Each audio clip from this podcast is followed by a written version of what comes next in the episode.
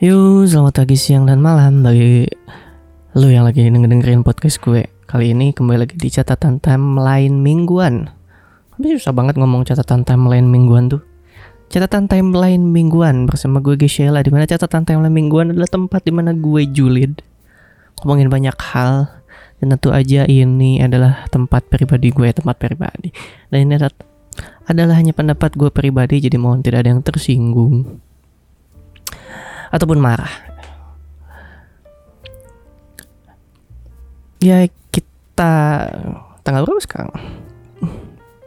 Tanggal 26 September ya udah masuk ke bulan September. Oktober, November, Desember 4 bulan lagi udah akan tahun baru ya. Gak kerasa banget kalau misalkan waktu tuh kalau misalkan udah dewasa ya ya mungkin begitulah. Tak kenapa kalau masih waktu kecil itu waktu itu rasanya kayak pendek aja gitu ya lama banget gitu buat nunggu tahun baruan tuh. Karena kalau misalkan waktu kecil jujur aja gue nungguin tahun baru itu pengen nambah umur gitu. Pengen banget cepet-cepet umurnya nambah gitu biar nggak dicengin mulu anak kecil gitu. Sekarang gue umurnya udah segini malah pengen balik lagi jadi anak kecil gitu. Ya anyway sedikit intermezzo lah ya semoga aja mas, bagi lu yang lagi ngedengerin podcast ini diberikan kesehatan ya. Sehat-sehat selalu lah gitu. Karena sebenarnya nggak bosan-bosan gue bilang kalau kita ini masih ada di musim pandemi meskipun sudah mulai berkurang gitu kasusnya. Tapi akan muncul pandemi yang lain lagi tuh pandemi kebodohan yang muncul belakangan ini gitu Oke ya semoga tetap sehat selalu dan tetap bisa berkarya karena berkarya itu adalah bekerja sih menurut KBBI ya gitu. Tetap bisa membahagiakan orang-orang di sekitar lu yang lagi ngedengerin gitu. Dan langsung aja sih mau kali ini gue mau julid soal ngomongin sih yang kemarin-kemarin lagi hangat banget itu ya sebenarnya gue udah ketinggalan banget sih hype-nya gitu. Kemarin-kemarin itu udah hampir dua minggu yang lalu sih. Ngomongin soal hacker, hacker yang ngeretas sistem apa sih ngeretas dokumen-dokumen dan data-data kita dan plot twistnya kayak gini katanya si hacker itu adalah si hacker itu punya teman temannya itu orang Indonesia yang eh pernah sekolah ke luar negeri. Terus si siapa namanya Biorka ini ya, Biorka apa Biorka ya? Biorka aja lah. Biorka ini kan orang apa? Orang Rusia gitu kan.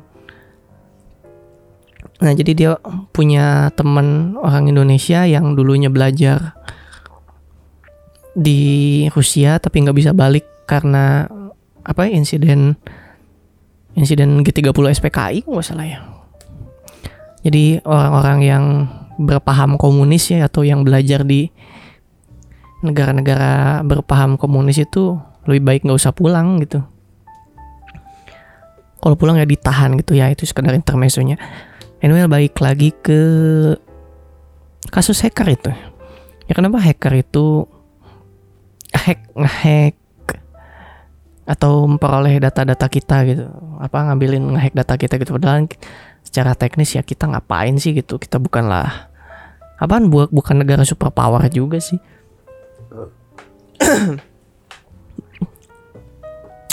Jadi dia itu bertindak seolah-olah kayak Robin Hood si Robin Hood yang dia mencuri dari rakyat besar ya dari orang kaya dan dibagikan ke rakyat miskin. Dan tujuan dia lucu sih dia pengen mengubah atau dia pengen apa yang ngasih tahu kebobrokan macam-macam kebobrokan di Indonesia gitu. Karena ya itu temannya tadi kan teman dia punya teman. Temannya itu orang Indonesia gitu dan dia nganggap orang Indonesia Indonesia itu negara yang bobrok sekali gitu. Dan dia pengen jadi kayak Robin Hood lah gitu pengen jadi kayak seorang pahlawan lah gitu. Dan ya terbukti itu dia nggak tahu sih nggak tahu datanya nggak tahu benar atau enggak ya. Dia ter kemarin kemarin-kemarin tuh gue ngelihat dia ngeposting apa Super Semar ya? Eh Super Semar udah belum sih? Iya Super Semar gitu. Tapi sayangnya yang Super Semar itu nggak hanya bisa di download di apa akun premium yang hack. Ada lucu ya hacker ada akun premiumnya yang harus bayar. Ya namanya juga kan jual beli data kan. Tapi nggak tahu sih itu super sebenarnya bener atau enggak terus yang kedua dia ngungkap kasus pembunuhan Munir itu siapa gitu. Waduh ini harus disensor sih. Tapi ya udahlah. Yang mengungkap kasus pembunuhan dalam pembunuhan Munir siapa? Siapa pembunuh Munir gitu. Dan dia nyuri apa dan dia ngap ngasihin atau nyolong bukan ngasihin sih nyolong. Dia nyolong data siapa? Data para banyak para penjabat gitu. Dari yang ketua DPR itu ada Menko Marves juga tuh. Terus ada ya banyak lah gitu. Dari dari situ kita bisa tahu data yang dicolong tuh banyak lah. Dia udah vaksin ke berapa nomor HP-nya lokasi rumahnya di mana nomor KTP-nya dia emang kasih keren banget sih. Ya kalau misalkan kayak gini ya yang ngomongin soal tadi kan kan data yang dihack dan segala macamnya kan itu kan adalah sebuah kejahatan ya gitu. Tapi kalau itu sebuah kejahatan tapi kok malah dibela gitu sama rakyat kita juga gitu. Malah banyak fansnya gitu kan ini adalah sebuah keanehan gitu ya. Berarti ada yang salah dengan negeri ini gitu. Ya tahu sendiri lah. Oknum aja banyak di negeri ini gitu.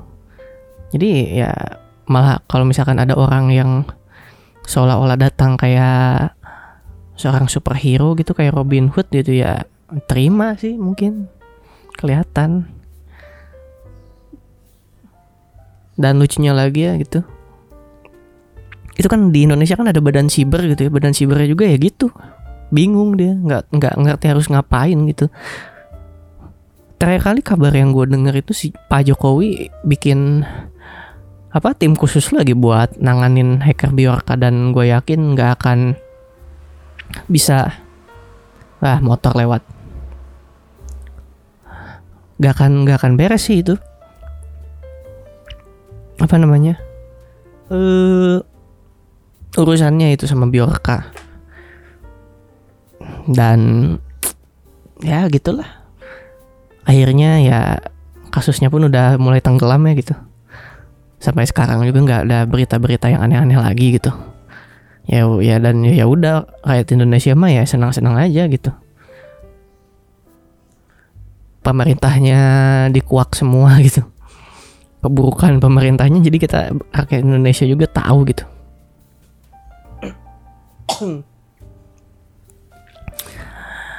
ya mungkin cukup segitulah gitu ya. Intinya ya emang dari hacker hacker ini tuh yang nyebar nyebarin data ini ya udah emang kita bisa lihat lah gitu betapa buruknya sistem keamanan data di negeri ini dan dia masih banyak PR buat negeri inilah gitu untuk menjadi negara yang bisa dikatakan maju gitu sangat banyak sih. Dan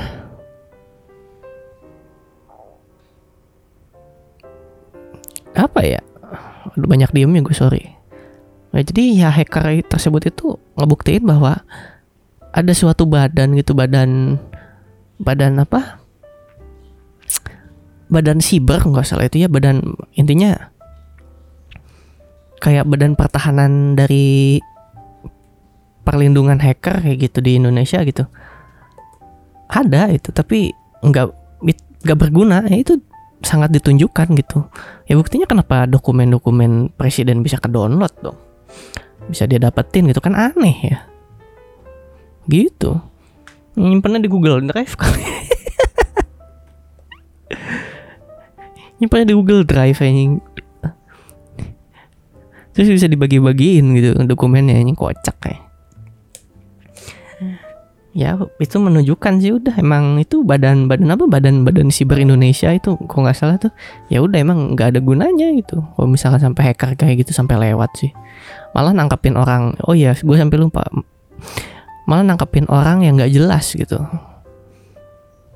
Kayak gimana ya cari cari tumbal proyek malahan gitu. Eh ya udahlah itulah negeri ini dan gue juga sudah malas memikirkannya. Ngomongin yang kayak gini juga gak akan ada habisnya gitu.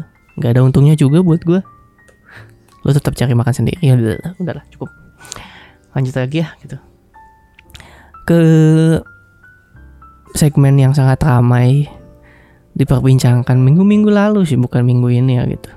Bensin sih yang naik gitu. Pertalite ya pertalite naik gitu. Dari berapa? Tujuh ribu ke sepuluh ribu gitu ya gitulah. Kalau misalkan bahan bakar naik sih apa pun yang segala hal yang ya bakalan jadi naik sih gitu. Ntar juga gue beli momogi udah jadi ini anjir udah jadi kayak segede permen kayaknya. 500 perak kayaknya.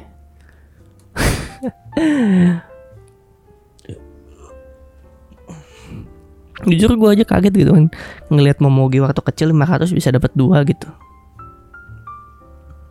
Sekarang 500 momogi cuma dapat sebatang aja Sebatang juga kecil. Oh. Segede ini kali Segede. Segede apa itu ya? Segede anjir segede ini. Lu pernah beli fresh care kan? Segede gitu cuy.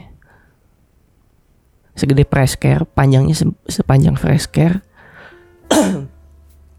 Terus tebal tebal ini minyak kayu putih tapi isinya kopong tengahnya gitu. 400 perak cuy. Ya sudahlah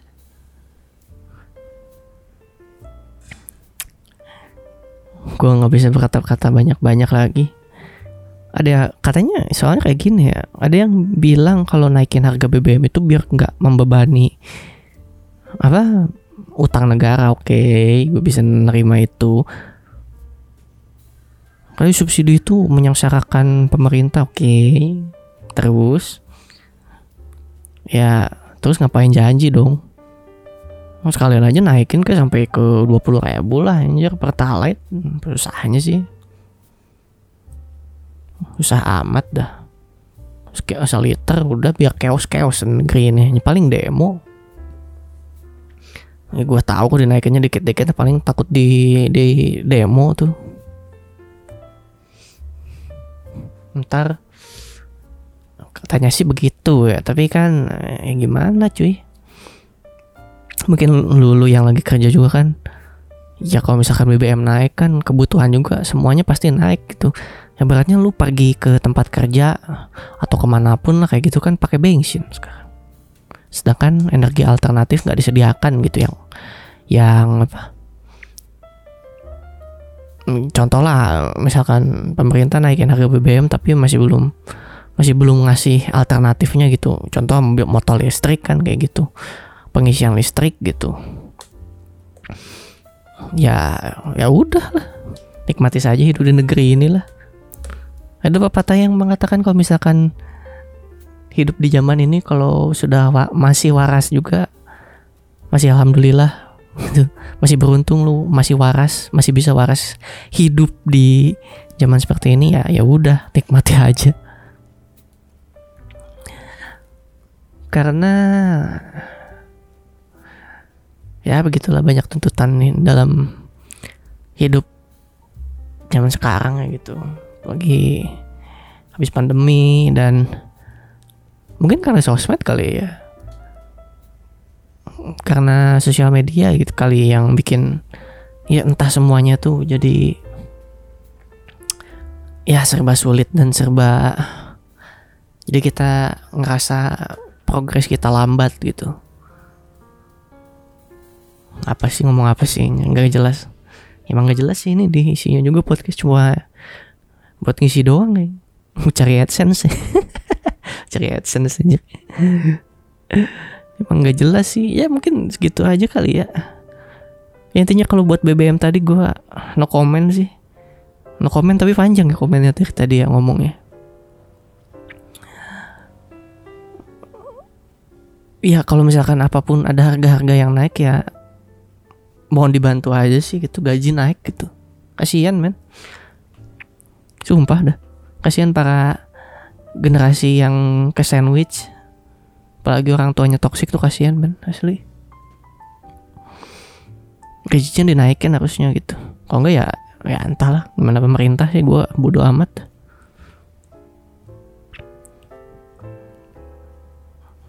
mereka dibayar sama kita kok gitu. Dari pajak. Pajaknya juga diselewengin kok di korupsi ya udah. Nikmatnya hidup di negeri ini yang gitu. Tapi kok nggak salah kalau misalkan ngomongin soal pajak tuh pajak di negeri kita kecil loh gitu. Cuma berapa persen gitu di luar negeri lebih gede lagi katanya gitu. Ya ya terserah sih itu kebijakan pemerintahnya silahkan atur sendiri. Toh kalau misalkan kita bersuara juga udah nggak akan didengerin kok. Mereka udah punya kepentingan masing-masing. Mereka juga punya kepentingan buat ngeruk duit kok karena mereka kampanye habis-habisan duit banyak. Gak mungkin. Gak mungkin gak balikin modal Gak mungkin. Itu prinsip bisnis men. Dibayar pakai apa? Pakai jasa mereka gitu Ngeluarin duit se kampanye sekian persen gitu dibayar pakai terima kasih makan tuh terima kasih. Tulis ya tulis tulis di kertas lu jilatin kata terima kasih. Nggak akan nggak akan bikin kenyang men. Kecuali kalau misalkan yang jadi pemerintah itu orang kaya gitu ya. Yang jadi apa ya berarti yang jadi penjabat tuh orang-orang yang udah emang udah kaya dari lahir gitu. Cepot lahir gitu kayak Avatar lah kayak gitu. Dia udah nggak butuh duit emang ngurusin negara juga aman jadinya gitu. Perutnya udah kenyang gitu. Misalkan duitnya habis tinggal pulang gitu. Kayaknya nggak akan ada hal-hal seperti korupsi kayak gitu gitu. Papa minta saham gitu nggak akan ada gitu. Oke udah gitu aja. Udah cukup lama ini udah hampir 16 menit lebih gitu.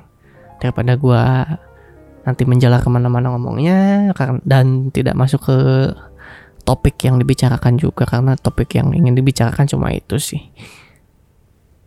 Oke gitu aja terima kasih bagi lu yang udah ngedengerin bacotan gue yang gak penting. Mohon maaf apabila kata ada kata-kata yang kurang berkurang berkenan dari gue. Tetap sehat selalu, tetap jaga kesehatan dan tetap bahagia selalu. Gisela pamit selamat pagi, siang, dan malam bagi kamu yang sedang mendengarkan rekaman ini. Yuk.